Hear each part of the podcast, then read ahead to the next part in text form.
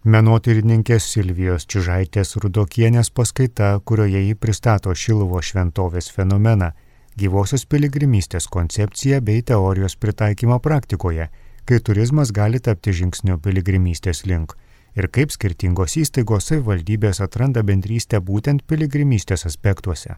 Šiandien kalbėsime apie gyvosios piligrimystės fenomeną arba visi keliai veda į šventovę. Tas visi keliai veda į šventovę, tai iš tikrųjų šiuo atveju yra pasirinktas ne iš pasakymo visi keliai veda į Romą, tačiau būtent iš Abdulazės filmo atgaila. Ir kuomet mes su arkivyskupu Lionginu Virbulu esame kalbėję, tokį interviu dariau apie gyvąją piligrimystę, man labai patiko jo priminta citata iš filmo, kuriame senolė sako, kam reikalingas kelias, kuris neveda į šventovę. Toks tarsi savaime nesprantamas dalykas, jo kitaip tariant, visą laiką mūsų kelias turi būti prasmingas. Šiuo atveju nesvarbu, ar tai būtų gyvenimo kelias, ar tai būtų, nežinau, mokslo darbo kelias, tai mes sakome, kad labai svarbu yra atrasti vietą. Ir čia mes kalbame turbūt ne tik tai apie vietokurą, apie vietos kažkokį tai kūrimą tiem žmonėm, kurie čia nais yra, bet apskritai apie suvokimą bendrojo identiteto ir ta gyvoji piligrimystė turbūt ir atsirado kaip šiluvos atskleidžiamo identiteto šiandien šaknis. Ir būtent tai aš labai tiesiog praktiškai šiam pamėginsiu papasakoti, kaip mes įgyvendinome įvairias teorijas, kurias, žinoma, pirmiausia gimė turbūt iš didelio noro iš didelio tikėjimo vieta ir lygiai taip pat turbūt irgi iš tam tikrų na, teorinių išvalgų, kurias pagalvojame, jog visai įmanoma įgyvendinti yra ir praktiškai. Taigi toks Truputėlį kontekstas apskritai, kas tai yra Šiluva, tas mažas miestelis, ne? kasgi tai yra, nes daugeliui, tarkime, sekuliaraus pasaulio atstovo, ne, tai būtų kažkoksai tai mažas miestelis su keliais šimtais gyventojų. Tačiau dvasinė prasme tai yra toks tai tikras užtaisas.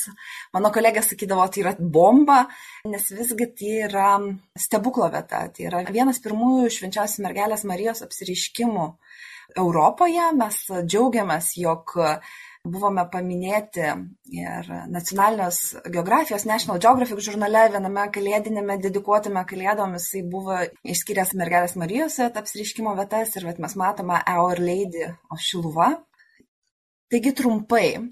Trumpai būtų taip, jog Šiluva yra tiesiog miestelis, Šiluvos seniūnijos centras, nutolęs 19 km į šiaurę nuo Raseinių. Taigi yra Raseinių rajono dalis, 8 km į pietus nuo Tytuvėno gyvena Oficialiai surašymo duomenimis 600 gyventojų. Ką reiškia oficialūs surašymo duomenys, turbūt patys suprantat, kad realybė yra turbūt registruoti 600, o gyvena, na, kokie 400. Tai yra toks mažas, nedidelis kaimelis. Tačiau 1608 metais švenčiausia mergelė Marija apsireiškė Šiluvoje ir tai yra vienas pirmųjų Marijos apsireiškimo Europoje ir veikiausiai vienintelis, kai Marija kalbėjo kitos konfesijos žmogui. Tai buvo apsireiškimas įvykęs ir kitos konfesijos žmonėm. Ir 1993 metais čia lankosi šventasis tėvas Jonas Paulius II, o 2002 metais rūpiučio 10 dieną Šiluvoje pašventintas miestelio herbas ir vėliava, kuriame įprasmintas būtent yra ir mergelės Marijos apsireiškimas. Kuogi tai yra svarbu? Ir kuo gi tai yra ypatinga ir ką tai reiškia. Dabar kalbėkime apie vietą ir faktus. Ne? Žvelgime į faktus, kas yra visą laiką labai savotiškai na, žavi mane ir yra įdomu. Mes galėtume į Šiluvą žvelgti kaip į bažnytkaimį. Kažkas tai kaimelis, kuriame tikima, kad 17 amžiaus pradžioje apsireiškė mergelė Marija. Istorija yra svarbi, taip pat tai buvo ir svarbu dėl dokumentų suradimo, dėl įrodymo, dėl krikščionių bažnyčiai žemių gražinimo, nes ir apsireiškimo metu mergelė apsireiškė laikydama kūdikį Jėzų Kristų ant rankų ir kuomet piemenėliai paklausė, Marija, kodėl tu vergi, jinai pasakė, jo kadaise čia buvo garbinamas mano sunus, o dabar čia arima ir siejama. Kitaip tariant, laukai. Laukai iš pagarbios vietos, iš bažnyčios, iš sakralaus kažkokio tai centro. Tuo metu pagal stebuklo istoriją buvo atrasta skrynia, atkasus tą skrynę neregys praregėjo, buvo surasti dokumentai, kurie įrodė, jog žemės visgi priklauso krikščionių bažnyčiai ir tai buvo sugražinta, bet tai ir pradėtos statyti bažnyčios. Ir turbūt mes žinome daugybę vietų, kur yra maži miesteliai su bažnyčia. Bažnytkaimiai tie vadinamieji, na, vienokia ir kitokia, geresnė, negeresnė, prastesnė, kažkokia tai suburia žmonės, be abejo, sekmadieniais, didžiųjų švenčių metu, vieną kartą daugiau, kitą kartą mažiau. Tačiau įsivaizduokite, tai yra vieta, kurioje mes turime vėlyvojo baroko architektūrą, Ir kadangi žinau čia, kad pasijungia yra nemažai architektūrologų, tai e, bus drąsu čia man taip komentuoti, bet šį kartą išdrysiu, na tai yra iš ties unikalus, vėlgi unikalus, suprantama, vieta ir architektūros santykių. Mūsų turbūt nestebina Vilnių sostinė, ne baroko, kur, kurie yra pilna baroko, kur yra nustabių architektūros kūrinių. Ir štai čia nais mažyčiame kaimelėje mes turime vėlyvojo baroko architektūrą su viduje papuošta Tomo Podgaiskio skulptūromis.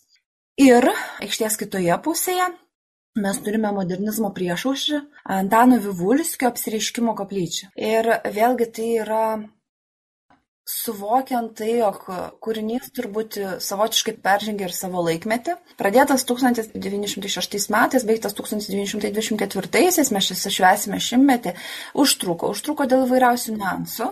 Tie niuansai visų pirma yra dar ir tai, jog įvairiausi biurokratiniai, administraciniai nebuvo lengva iš tikrųjų ir, ir nebuvo lengva, vėlgi turėkime omenyje, jog mes kalbam apie sakralios vietos kūrimą Lietuvoje. O Lietuvos istorija visgi yra tokia, jog turėjome tiek carinę priespaudą, vėliau atėjo Sovietų sąjunga, tai iš esmės ta mūsų nepriklausomas laikotarpis buvo tokia ganėtinai sporiškas, toksai vis nebuvo jo tokio labai ilgai išsilaikančio. Tai vienas dalykas ir, ir be abejo to tarpukario, ne, galima sakyti, kad bažnyčia turėjo gana didelę galę, tačiau iki to laiko ir po to atėjus sovietiniam režimui, tai žinom, kad bažnyčia asocijuodavosi su daugo, bet tikrai tai nebuvo ta vieta ar ta institucija, kuri būtų vienai par kitai palaikoma. Ir štai čia nais, vėlgi man visą laiką irgi savotiškai įdomu atrodo, kaip vienas iš viskupų patikė, jog jaunas skulptorius studijuojantis Prancūzijoje gali pastatyti apsiriškimo koplyčią. Kogi tai yra svarbi vieta? Apsiriškimo koplyčia stovi ant akmens akmens, ant kurio tikima, jog apsireiškia mergelė Marija. Tai yra tokia turbūt švenčių švenčiausia vieta, galėtume sakyti, pačioje Šiluvoje. Akmuo irgi yra objektas, garbinamas objektas ir už tai Šiluvoje irgi iš tos dvasinės pusės yra svarbus dalykas kaip toksai vadinamoji malda keliais, tai yra ėjimas keliais aplink akmenį, aplink tą pačią apsiriškimo koplyčią, ėjimas keliais iki apsiriškimo koplyčios, tarkime, kryžiaus keliu. Ir štai čia naise buvo patikėta palyginus jaunam iš tikrųjų tuo metu studentui, skulptoriui, kuris sukuria tokį irgi na mes šiluvoje tai vadiname vienu iš architektūros šedevrų turbūt ir vėlgi labai nedaug turime Vivulskio kūrinių ir išlikę. Iš esmės tai yra Vilniuje Trijų kryžių kalnas, na ir Šiluvoje ši apsiriškimo koplyčia.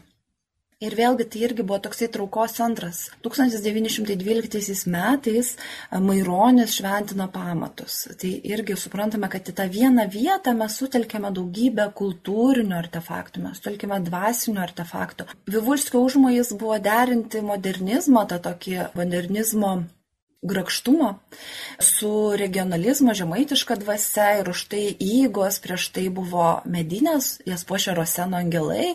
Rosenas irgi yra kilęs iš Šiluvos ir puošia 12 Roseno angelų, mes dabar turime jos muziejų išsaugusios. Tačiau vienu metu buvo nuspręsta, jog tai yra per daug nemodernu ir medinis prieangis įėjimas buvo panaikintas ir dabar mes matome, galime sutikti antinių angelus, sunaus ir tėvo antinių darbus, kurie pasitinka mus įeinant į apsiriškimo koplyčią.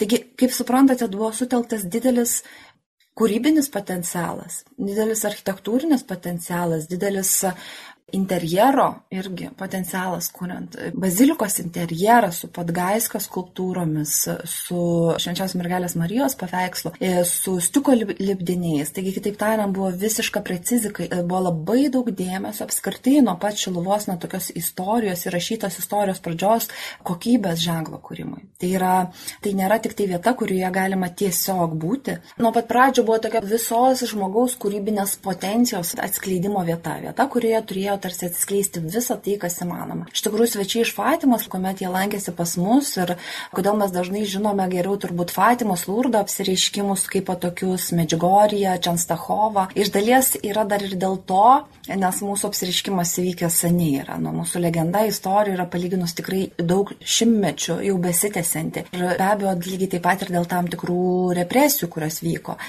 Ir štai čia nais mes sakome kad šiluva yra gyvosios piligrimystės sostinė vienintelė švenčiausios mergelės marijos apsireiškimo vieta lietuvoje ir kasmet devynių dienų atlaidų metu sutraukianti apie 50 tūkstančių piligrimų. Esame skaičiavę, tai yra apie 50-70 tūkstančių piligrimų, o kasdienėmis dienomis sulaukianti piligrimų iš viso pasaulio. Taigi įsivaizduokite tokioje mažulytėje, tarsi mažame taškelėje, kuriame oficialiai turėtų gyventi 600 žmonių, gyvena dar mažiau. Staiga rugsėjo mėnesį vyksta toks anšlagas ir susirenka per 50-70 tūkstančių piligrimų. Taigi ką tai reiškia? Tai pirmiausia, reiškia vietos gyvumą.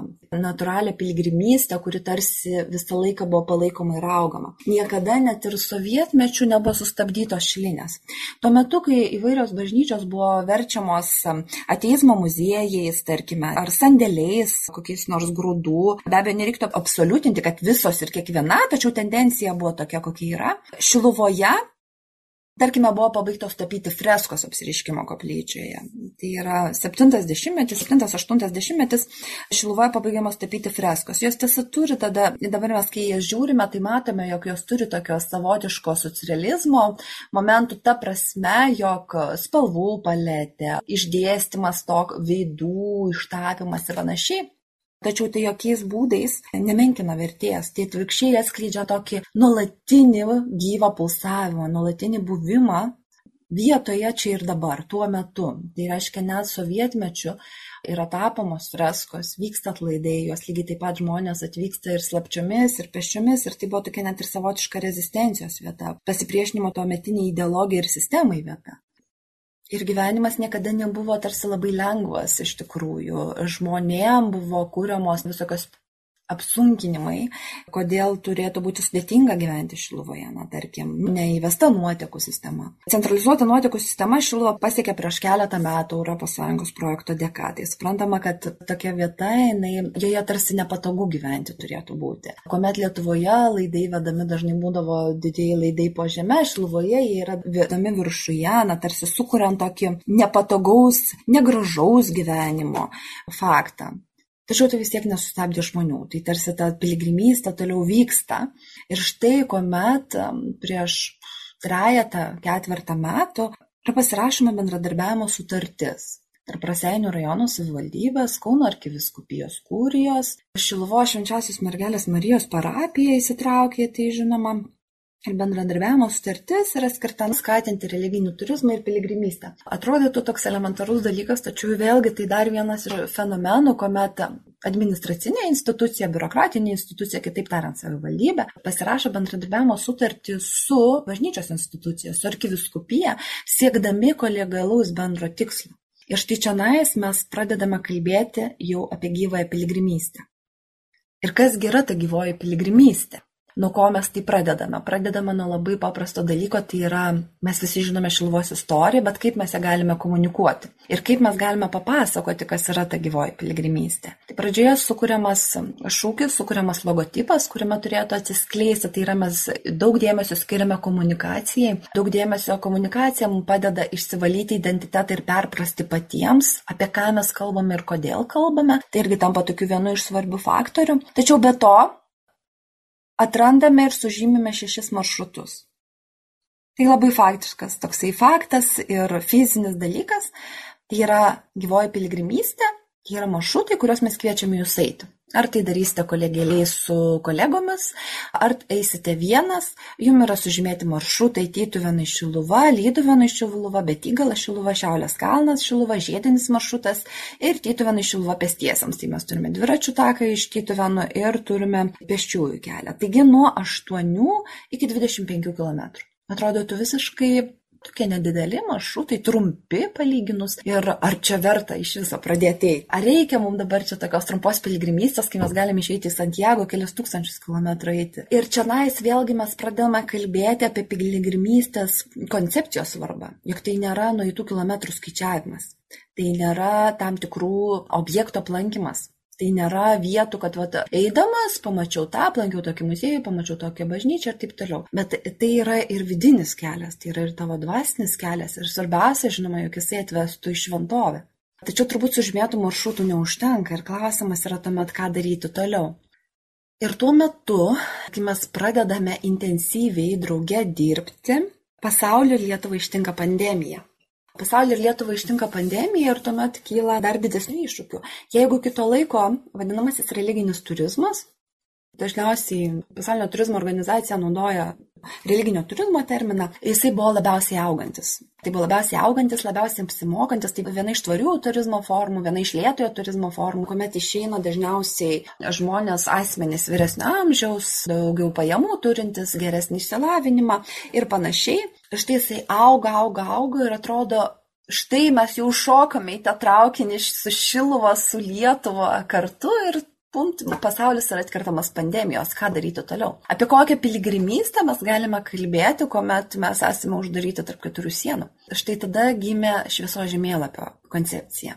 Jeigu gerai atsimenate, kai prasidėjo COVID pandemija, COVID būdavo žymimos tokiais juodėjančiais rutuliukais. Dabar raudonuoja zonos, anksčiau taip tamsėdavo tarsi, tai va jau tenais ta zona užtamsėjo, ta zona užtamsėjo. Ir mes nusprendėme jog iš kur kitur, jeigu ne iš Šiluvos, turi sklisti viltis. Šiluvoje lygiai taip pat mergelė Marija yra tituluojama ligonių sveikata. Barokinėje mūsų bazilikoje yra ligonių koplytėlė, tai yra žmonės melčia sveikatos, melčia išgyjimų, yra tikima stebuklingais išgyjimais, prisektas ne vienas votas. Tai ar nelaikas tuomet skleisti žinę, drauge su vat, būtent iš ligonių sveikatos, iš vietos, kurie turėtų atgimti viltis. Ir štai čia nais prasideda švieso žemėlapis, jis pradedamas kurti virtualiai, jisai kviečia kolegėliai jungtis į rožinio maldą ir uždegti virtualią žvakutę. Ir po truputį tą žemėlapį šviesėja. Pradėjome mes į Lietuvoje, Aukos už virtualias žvakutes buvo atiduotos karitui, įsijungė karitas, kuris turėjo padėti žmonėm, kurie neteko darbo dėl pandemijos. Ir vėliau kolegiliai dirbdami su piligrimų centru, savivaldybe, arkiviskupija, žemėlapį išverčiame į kelias kalbas - anglų, lenkų, ispanų, italų ir paleidžiame nebe tik Lietuvos, o pasaulio žemėlapį. Ir staiga visas pasaulis pradeda jungtis į tą šviesos, turbūt tą poreikį šviesai pajutė visi ir pradeda jungtis į tą šviesos žemėlapį. Drauge į rožinio maldą, drauge prisideda šviečia virtualios mūsų žvakutės. Paradoksalu, prasidėjus pandemijai ir užsidarius sienom, Šiluvos vardas nukeliauja iki Vietnamo, apie Šiluvą rašo Vatican News italų kalba, Šiluvos šviesos žemėlapis nukeliauja iki Amerikos, iki Australijos, žodžiu, Šiluvos taiga nuskamba daug kur, daug kur, visur čia nacionaliniam transliuotojom Lietuvoje ir panašiai, ir tuo metu mes apšviečiame ir apsiriškimo koplyčią, pirmas toksai žingsnis. Ir po truputėlį karantinas pradeda laisvėti ir kaipgi vėl mums kalbėti apie tą gyvąją piligrimystę. Mes norime vėl grįžti į kažkokį tai gyvą kontaktą, kuris įmanomas ir kuris yra geresnis negu kažkur laukose, ten, kur šila šiluva, šiluva yra piesta šilo. Ir mes sakome, birželis šiluva dovanoja iššūkį ne tik atrasti, bet ir patirti gyvąją piligrimystę. Taigi tuo metu, kai pasaulį buvo ištikusi pandemija, panardino į labai įdomų laiką. Tai vieniems buvo sustabdytas tempas, atnešė to trukino išorinio pasaulio, kitiems diskomfortą ir nuobodulį, o tretiems dar didesnį užsisukimą savo nebesibaigiančių reikalų rate. Mes panirome į zoomus, mes panirome į nuotolinį bendravimą. Tai atsidūrė tokių įvykių akivaizdu esame kviečiami apmastyti savo pasirinkimus ir galbūt iš tiesų keisti kryptį ir nustoti arti savo gyvenimuose, prasmės tokojančias vagas ir naujai atsigręžti į šį Marijos kvietimą, kuriame mergelė Marija sako, čia buvo garbinamas mano sunus, o dabar čia ariama ir siejama. Ir mes sakome, užtenka arti, kilkim nuo kompiuterių ir išeikime į gyvąją piligrimystę. Ir štai jau kelis metus iš eilės ir tęsime šią tradiciją, tikiuosi, ir šį birželį, jeigu viskas bus gerai, organizuojamos piligrimystės savaitgaliais. Pradedame nuo žygio vyrams, Tai yra tėvo dienos išvakarėse, yra kviečiami vyrai, vėliau būna žygis moteris, žygis šeimoms ir žygis jaunimui. Taigi jau kviečiame ne šiaip žmonės išeiti, bet mes jau suorganizuojame tokias rekolekcijas tarsi peščiomis, rekolekcijas eiti ir pažinti tą mūsų gyvąją pilgrimystę. Tačiau susidurime su sezoniškumu. Birželį labai smagu vaikščioti miškais, čiulba paukšteliai, yra be galo gražu ir tu atvyksti ilgi vakarai, ar tu atvyksti į šventovę, čia nais tavęs laukia pasėdėjimas, mišios, vakarienė drauge, o ką daryti ne sezono metu. Taigi, kaip matot, mes susidurime su tokiais labai, iš vienos pusės labai pragmatiškais klausimais, iš kitos pusės mes ieškome kažkokių ne tik tai kultūrinių, bet ir dvasinių sprendimų. Ir taip šiais metais gimsta pirmosios gyvosios piligrimystės advento rekolekcijos pešiomis.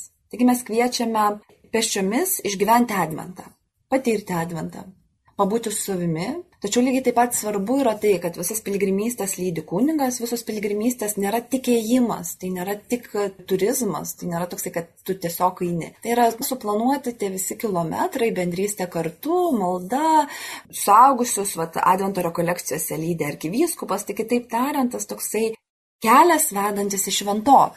Taigi šiais metais mes sakome patirk, adventą pėsčiomis ir iškeliauk ir pasiruošk keliaukti. Taigi suaugusieji keliaus su arkivyskupu Lionginu Virbalu. Jaunimas keliauja ir žiūrėsime, kai jau patirs, lauksime jų grįžtant, jie turėtų grįžti iš savosios piligrimystės. Taigi vėlgi mes kalbame tokį labai praktišką, bet tuo pačiu ir dvasinę kažkokią tai piligrimystę.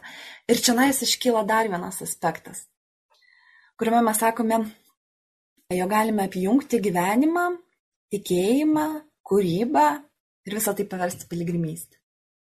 Kaip matėte pradžioje, kaip girdėjote pradžioje, aš jums kalbėjau apie tai, jog um, Šiluvoje kurti kūriniai, architektūros kūriniai, skulptūros, jos nekurtos tiesiog nes reikia.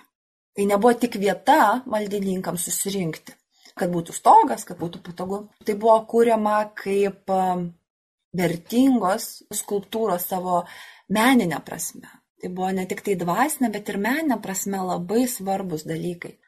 Taigi šiuo atveju gimsta čia nais mums vietoj dirbantiems idėja, jog mes turėtume tarsi tai atgaivinti. Tačiau mes nepastatysime dar vienos bažnyčios, nepristatysime čia nais kažkokių tai architektūrinių šedevrų, juo labiau, kai Šiluva įtraukta į kultūros paveldo teritoriją ir čia bet koks judėjimas yra toks truputėlį, sakykime, architektūrinė, statybinė prasme sudėtingesnis galbūt, reikėtų taip sakyti, daugiau reikalaujantis įdirbę. Ir čia nais pradame kalbėti apie kultūrą, mes pradedame atrasti ir atskleisti kultūrinį, kūrybinį potencialą, kurio pasirodo yra labai daug, jeigu pasižiūrė.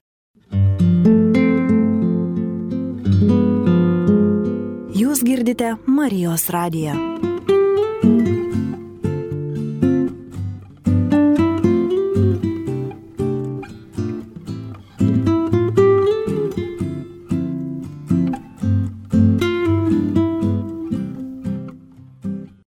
Štai Šiluvoje įvyksta dvi šiuolaikinio meno bienalės ir viena e, tarptautinė teatro bienalė.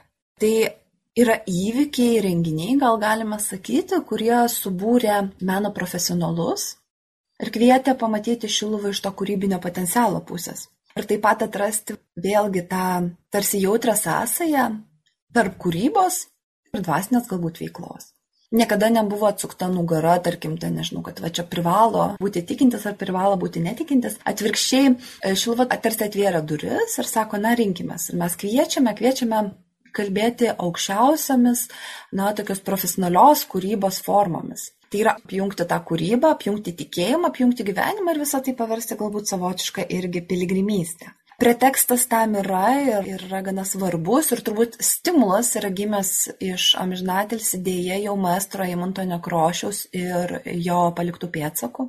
Įmantas Nekrošius yra kilęs iš Šiluvos ir palaidotas jisai yra Šiluvoje. Dar būdamas gyvas, draugė su Meno Fortu, su savo teatru, jisai vienu metu pasakė, jog, na, savo kūrinius to meto, tų, to sezono, tarsi geriausius savo kūrinius aš atvesiu į Šiluvą parodyti. Drąsus žingsnis, žinant, jog vietoje nėra nei teatro salės, nežinau, nei parodų salės, na, realiai nėra erdvės, kur galėtume mes rodyti maestro spektaklius, maestro kūrinius. Ir štai gimė originalus sprendimas ir scena tapo aikštė, aikštė, kurioje susirenka piligrimai šiliniu metu.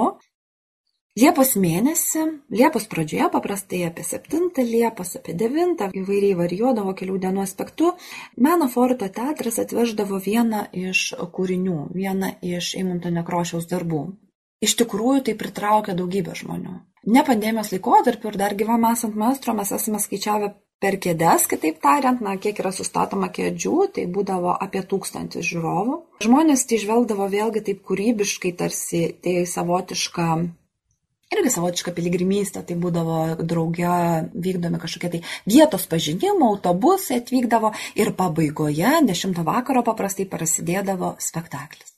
Ir iš dalies tai turbūt irgi mus inspiravo Šilvos teatro bienalė, jau dėja, bet jau nekrošiui palikus mūsų žemę, dedikuoti būtent jam ir teatrui, meistro pėdsakais mes pavadiname. Pasirinkome citatą iš psalmas, tavo kelias ėjo per jūras, per srūnius vandenis, bet tavo pėdos buvo matomos. Kitaip tariant, apie tai, kas yra palikta, kas yra įspausta šiluvoje. Šių metų šio laikinio bienalė kalbėjo apie paliestąją žemę, tai yra apie tai, kaip mus paliečia šiluva. Ir visą laiką mes kalbame apie vietą ir per vietą, ir kuriejus kviečiame tarsi reflektuoti pačią vietą. Todėl šiais metais, tarkime, prie apsireiškimo koplyčios gimė toksai Nikytės Narkevičinės darbas, kuriame mes matome įspaustus kelius, tokia paliesta ta žemė, tai yra to pamaldumo keliams aspektas tarsi atiduota tokia duoklė. Komet mes kalbėjome apie teatro bienalę, mes organizavome lygiai taip pat ir nekrošiaus parodą Šiluvos piligrimų centre, Anapus Matvėjevo parodą skirtą maestro Napus uždangos.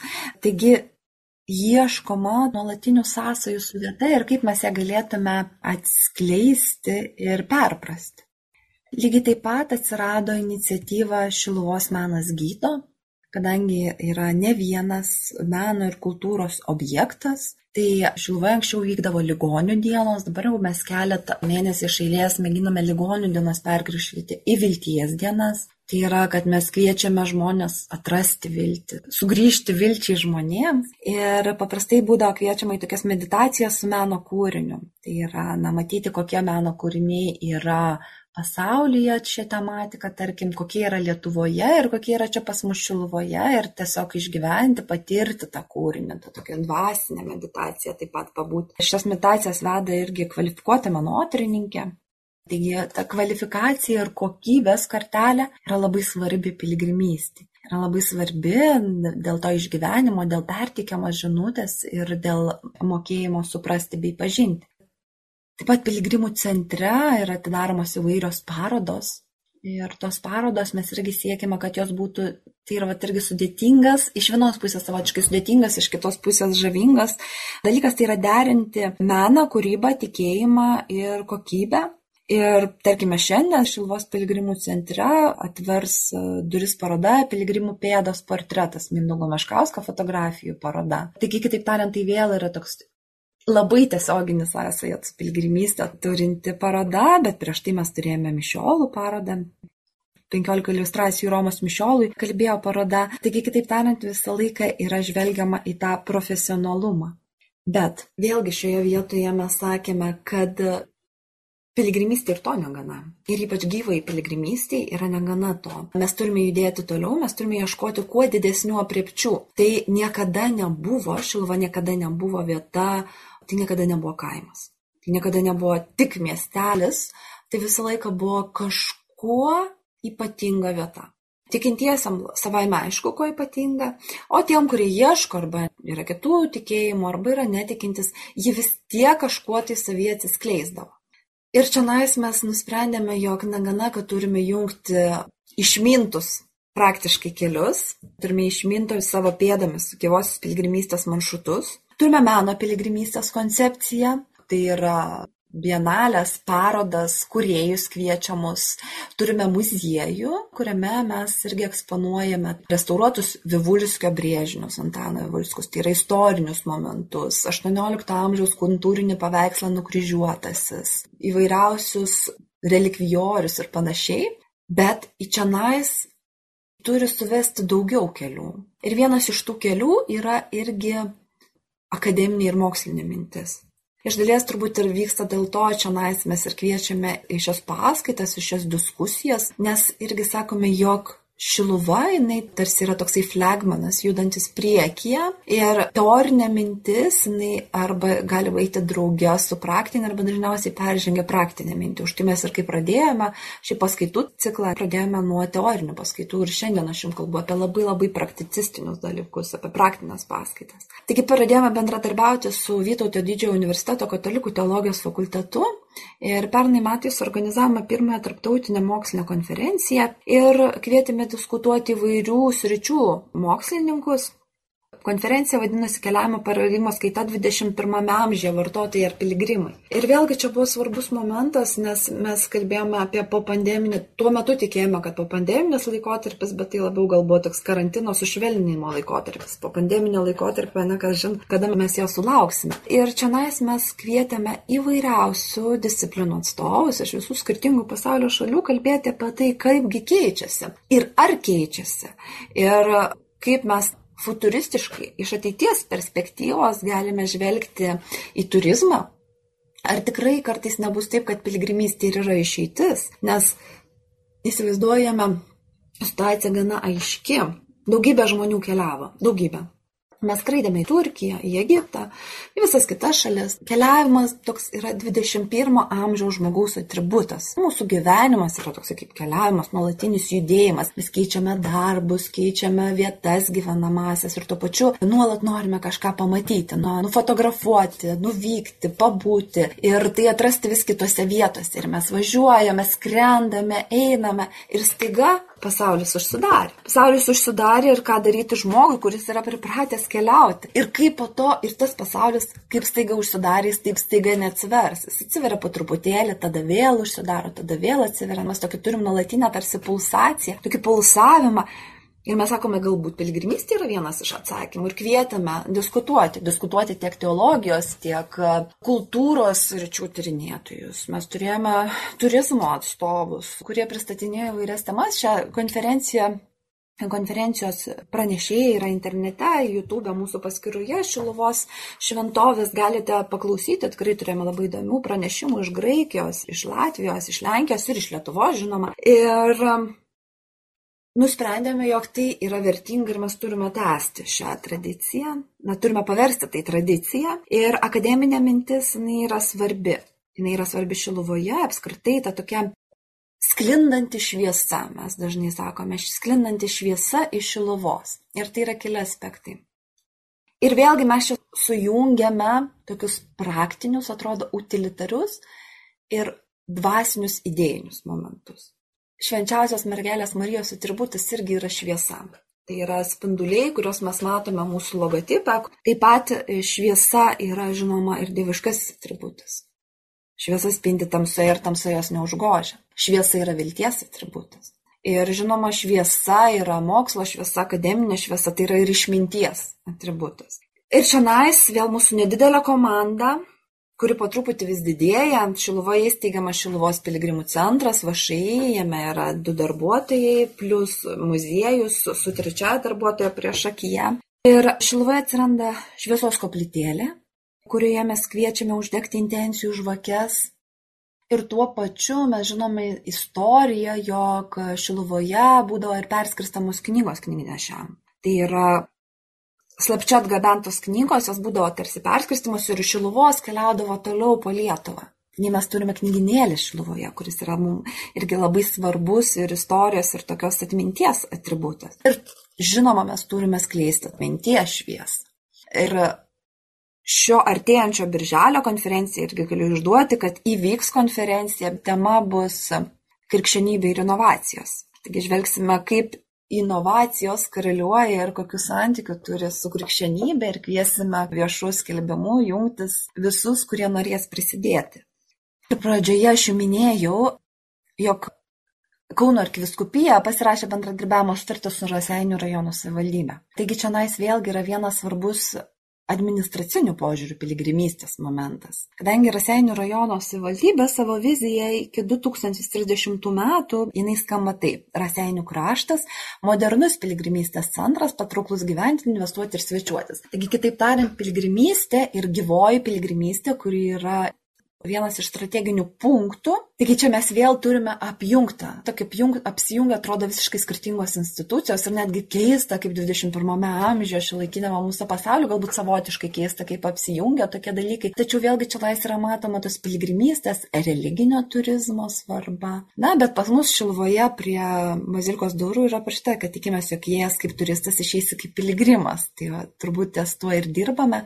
Ir nuosekliai dirbant, toks einant žingsnis po žingsnio, daugiau savivaldybių nusprendė įsitraukti į šį bendradarbiavimą ir 2020 metais rugsėjo 12 dieną atlaidų metu buvo švenčiamas tokios simbolinis metų gimtadienis. Taigi didžiųjų šilos mergelės Marijos atlaidų metu pasirašome bendradarbiavimo sutartis, kurios tikslas yra plėtoti piligrimystę, piligrimystės maršrutus. Kiek žinau, buvo parengta galimybių studija rengiami dar tolimesni maršrutai. Taigi pasirašo bendradarbiavimo sutartis Kelmės rajono savivaldybė, Raseinių rajono savivaldybė, Šiaulių rajono ir Šiaulių miesto savivaldybės. Taigi mes matom apjungiam Tytuvenus, Šiluvą, Kryžių kalną, tai tokias esminės vietas.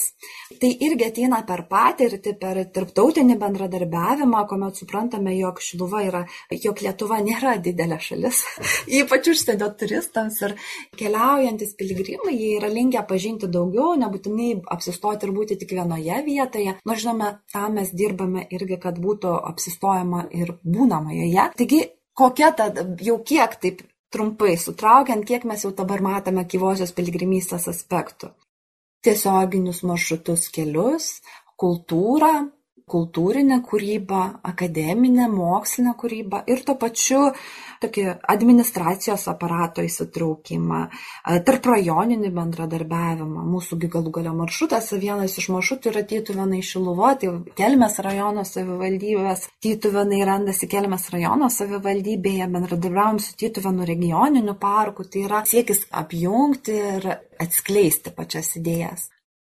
Bet Žinoma, nedėra pamiršti, kad visgi Šiluva yra šventovė. Ir čia nais aš išrašiau tokią e, citatą, kur klausyk Izraelį, viešpats mūsų Dievas yra vienintelis viešpats, tad mylėk viešpatį savo Dievą visą širdim, visą sielą, visų protų ir visomis jėgomis. Na, o antrasis įsakymas yra mylėk savo artimą kaip save patį. Nėra įsakymo didesnio už šiuodų. Taigi tas meilės neįsakymas pats svarbiausias ir pats ypatingiausias ir štai Šiluvoje be abejo vyksta su e, dvasinė, religinė praktika, su jo dalykai, be žinoma, be standartinių, be įprastų, sakykime, įprasto šventų mišių laiko, sekmadienių, šeštadienių ir visų kitų.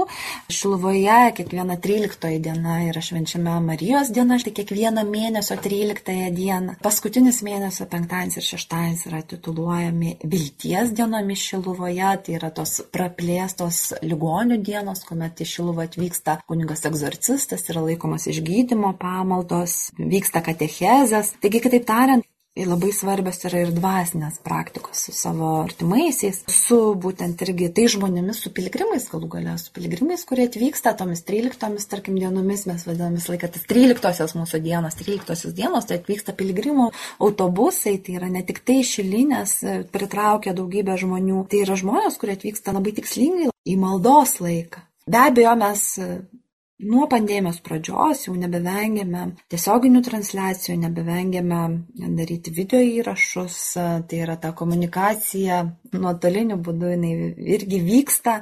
Be jos turbūt dabar daug kas yra neįmanoma, na, tai, tai sakykime, tai irgi yra savotiška tokia piligrimystė per ekraną, savotiškas žingsnis matyti toliau. Taigi, ir toliau kalbėdami apie šviesą, mes Lietuvos Respublikos Seime buvo skirtas finansavimas tikslinis apšviesti apsiriškimo koplyčią.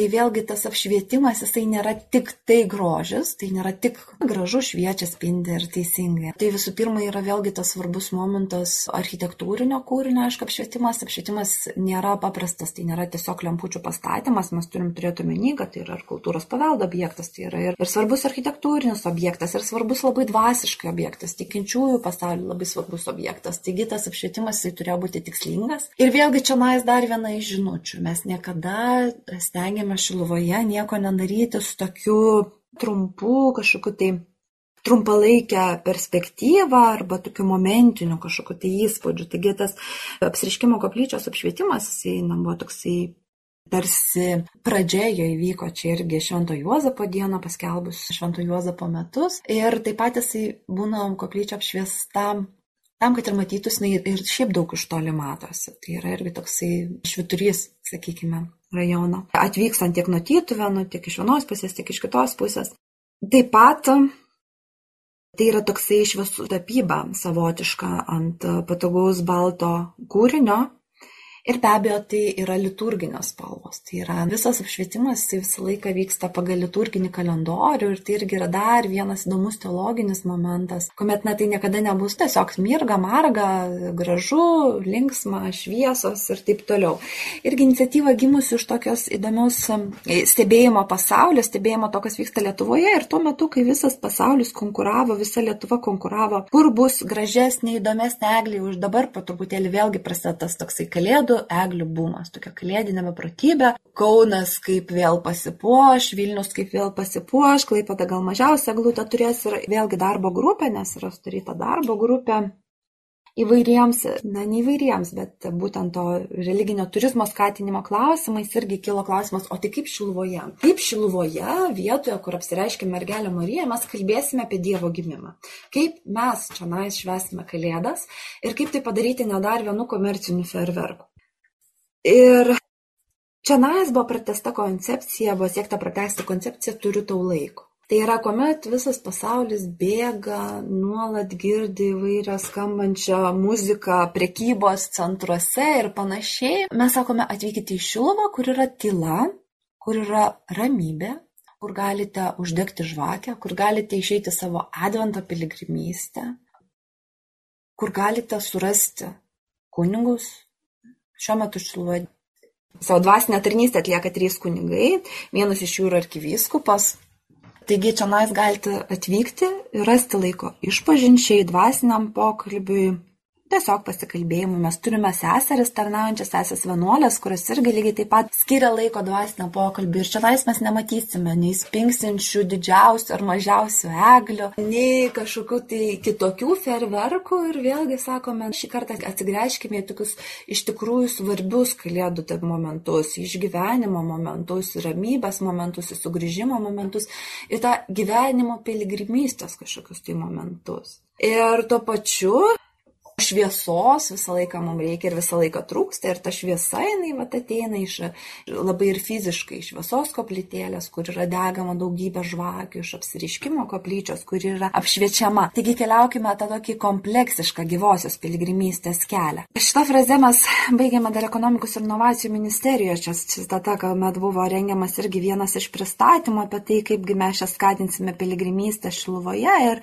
buvo daugybė diskusijų, daugybė ginčių kartu kartais savotiškų, daugybę klausimų, daugybę skirtingų pusių tarpusavyje diskutavo ir ieškojo geriausio sprendimo ir, ir skirtingos pusės turi surasti. Mes turime bažnyčios atstovus, turim administracijos atstovus, turim vyriausybės atstovus, turim piligrimų centro atstovus, turim turizmo centro atstovus. Taigi, ką daryti ir tuomet mes irgi tiesiog tarsi baigdami tokias visas karštas diskusijas, Šiluvo sakėme, kad na, va, jiems tai besikalbant ir besiginčiant prisartino pas Jėzus ir ėjo kartu. Tai iš Luko Evangelijos Evangelijos. Tai toks ėjimas kartu.